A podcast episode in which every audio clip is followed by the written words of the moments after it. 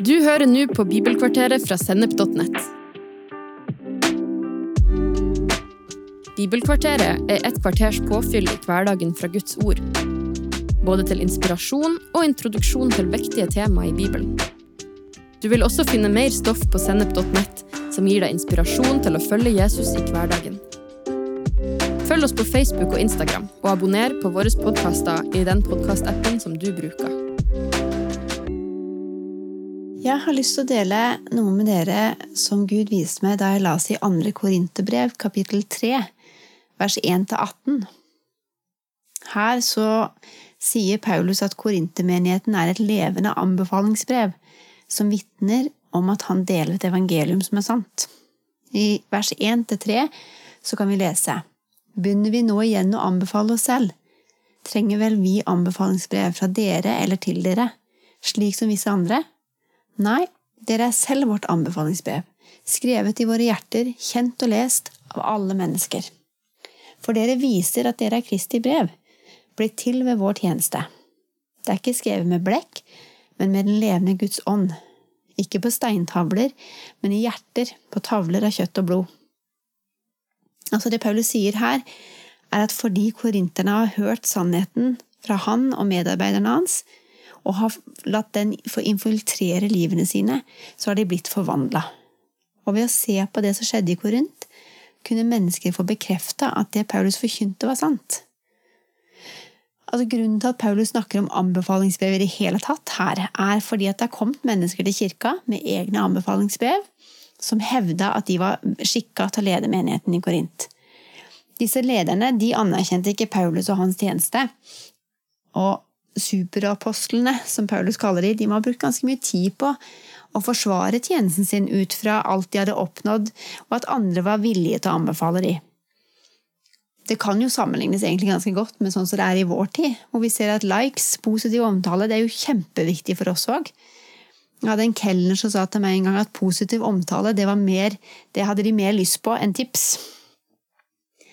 Og i dette avsnittet her så ser vi at det var viktig da òg. Og I denne sammenhengen så setter Paulus lys på at det er ikke omtale eller likes eller hva folk sier om deg, men et forandra liv og forvandla mennesker som er det egentlige anbefalingsbrevet. Paulus sier at menigheten er Kristi brev blitt til ved Paulus' sin tjeneste. Han hevder at evangeliet om Jesus er så mektig at det å høre det og tro, eh, og tro det, det har kraft til å skape en grunnleggende endring i mennesker. Det er mer enn bare ord, altså. Det er kraft. Paulus han går videre i teksten til å forklare hvordan denne kraften og dette evangeliet bygger på en ny pakt, som bygger på ånd og ikke bokstav, som altså er loven. I vers 4-11 der leser vi Denne tilliten har vi til Gud ved Kristus. Vi er jo ikke selv i stand til å tenke ut noe på egen hånd. Det er Gud som gjøres i stand til det han som også gjorde oss til tjenere for en ny pakt, som ikke bygger på bokstav, men på ånd. For bokstaven slår i hjel, men ånden gjør levende. Selv dødens tjeneste, som bygde på bokstaver hugd i stein, var omgitt av en slik herlighet og glans at israelitten ikke klarte å se på ansiktet til Moses. Så klart strålte det, enda glansen tok slutt. Hvor mye klarere stråler ikke da glansen fra åndens tjeneste? For hadde den tjeneste som fører til fordømmelse, en herlig glans, så må den tjeneste som fører til rettferdighet, stråle med en enda rikere glans. Ja, det som den gang strålte så klart, har nå helt mista sin glans, for nå stråler en herlighet som er så uendelig mye klarere. Men når det som tok slutt, strålte så herlig, hvor mye herligere er ikke da glansen av det som består? Altså Når Paulus snakker om loven, så mener han hele overleveringen Moses fikk av Gud da han var på Sinai-fjellet under utvandringen av Egypt. Disse lovene og levereglene hadde vært grunnlaget for jødenes samfunn helt siden det. De var kjempeviktige og ble sett på som essensielle for å kalles Guds folk. Så det er ikke småtterier Paulus sier her. Han peker på at hele trossystemet trenger å ses på på nytt, ut fra at Messias var kommet og satt i stand en ny pakt, bygd på ånd. Den gamle pakten den bygger på du skal, du skal ikke. Og Paulus sier at bokstaven altså slår i hjel. Den er i dødens tjeneste. Han anerkjenner at pakten er omgitt av Guds herlighet, Moses sitt ansikt lyste faktisk da han kom ned fra fjellet etter å ha vært med Gud. Men dette var en midlertidig herlighet. Menneskene hadde fått være i Guds nærvær og fått tatt med seg hans prinsipper, hans måte å være, med, være på, ned til menneskene. Men disse lovene og reglene hadde ikke evnen til å forandre menneskenes hjerter. Og fordi loven var maktesløs til å endre menneskene, så ble det noe som påpekte menneskenes synd og tilkortkommenhet. Den klarte ikke å frelse mennesker, bare vise at de kom til kort. Derfor sier Paulus at denne nye pakten er så mye større, herligere og bedre enn den gamle pakten. Den har kraft, ikke til bare å meddele Guds måte å leve på, men også forandre den som hører den og tror på den, til å leve det ut. Det er stilig å se at Gud han hadde snakka med israelsfolk om denne nye pakten lenge før Jesus kom. I teksten så ser vi at Paulus han bruker ord som både Jeremia og Esekiel hadde brukt om akkurat dette her. I Jeremia kapittel 31, vers 31-34, så kan vi lese Se, dager skal komme, sier Herren, da jeg slutter en ny pakt med Israels og Judas hus ikke som den pakten jeg slutta med fedrene deres den dagen jeg tok dem i hånden og førte dem ut av Egypt. Den pakten brøt de, enda jeg var deres herre, sier Herren. Men dette er pakten jeg vil slutte med Israels hus i dager som kommer, sier Herren. Jeg legger min lov i deres sinn og skriver den i deres hjerte. Jeg skal være deres Gud, og de skal være mitt folk. Da skal ingen lenger undervise sin neste og sin bror og si Kjenn Herren, for de skal alle kjenne meg, både små og store, sier Herren. For jeg vil tilgi skylden deres og ikke lenger huske synden. Er ikke det stilig? Altså Det Paulus sier til korintene, er jo bare en bekreftelse på hva Gud har sagt gjennom profetene sine for lenge siden. Også i Esekiel så kan vi se, at, uh, se noe om dette her. Uh, I kapittel 11, vers 19-20, så skriver han Jeg gir dem et annet hjerte, og en ny ånd gir jeg inni dem. Jeg tar steinhjertet ut av kroppen deres og gir dem et kjøtthjerte i stedet, slik at de skal følge mine forskrifter, holde fast ved mine lover og leve etter dem. De skal være mitt folk, og jeg skal være deres Gud. Vi ser nesten det samme sagt i kapittel 36, vers 26–27. Jeg gir dere et nytt hjerte, og en ny ånd gir jeg inni dere. Jeg tar steinhjertet ut av kroppen deres og gir dere et kjøtthjerte i stedet. Jeg gir min ånd i dere og gjør at dere følger forskriftene mine og holder lovene mine og lever etter dem. Altså, Gud hadde hele tida hatt en plan om å legge sin lov i menneskenes hjerte ved sin ånd. Og det er nettopp dette Paulus sier er kraften som forandrer menneskene i Korint. Gud gjør noe nytt som er større og herligere enn det han gjorde på Sinai-fjellet. Istedenfor å sende Guds rikes prinsipper ned til oss, så gir han oss nye hjerter, fylt av sin ånd, som kjenner alle sider av Guds rike. Det er så utrolig mye mektigere enn det loven kunne få til. Paulus sier videre at den nye pakten ikke er tilgjengelig så lenge man holder seg til den gamle pakten. Ehm, I vers 12-15 så kan vi lese Siden vi har et slikt håp, går vi fram med stor frimodighet. Vi gjør ikke som Moses, som la et slør over ansiktet for at ikke Israels folk skulle se at glansen bleknet og tok slutt.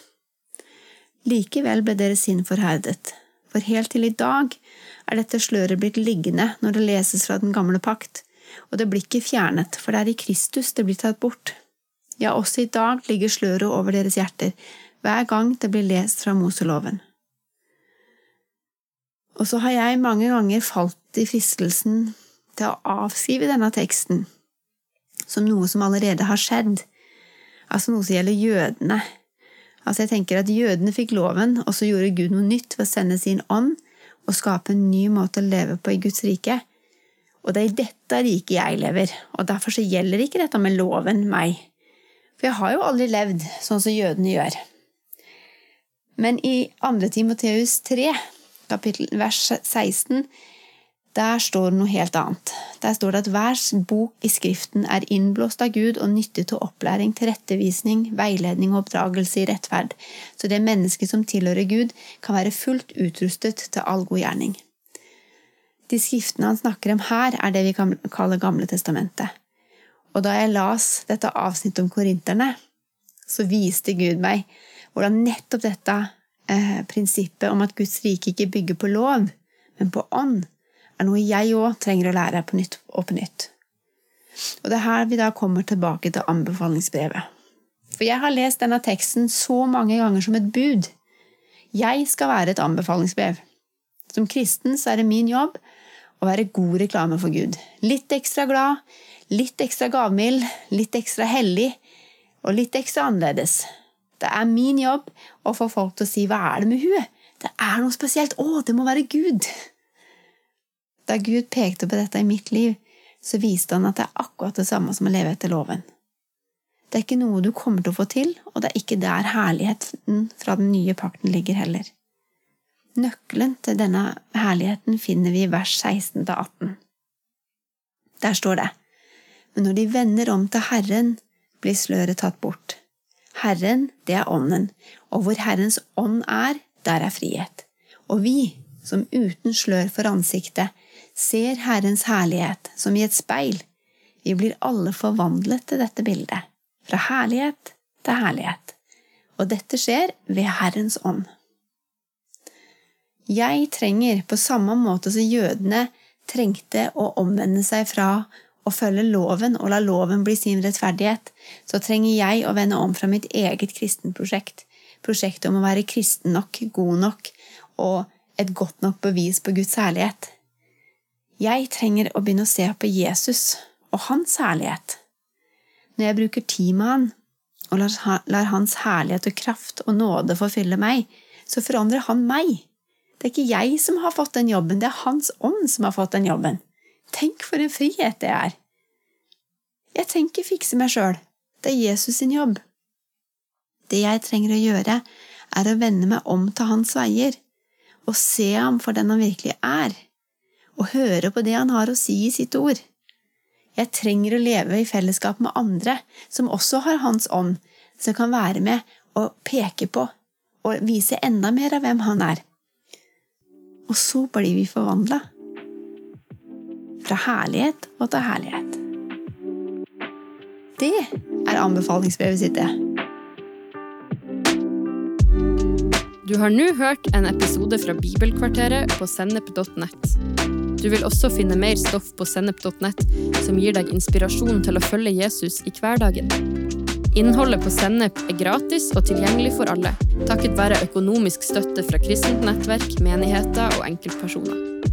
Du kan også hjelpe oss ved å be for oss, dele innholdet vårt med venner og bekjente, rate podkastene i den podkastappen du bruker, eller ved å gi en gave på VIPS. VIPS nummer 54 66 68. Takk for at du lytta til sennep.nett.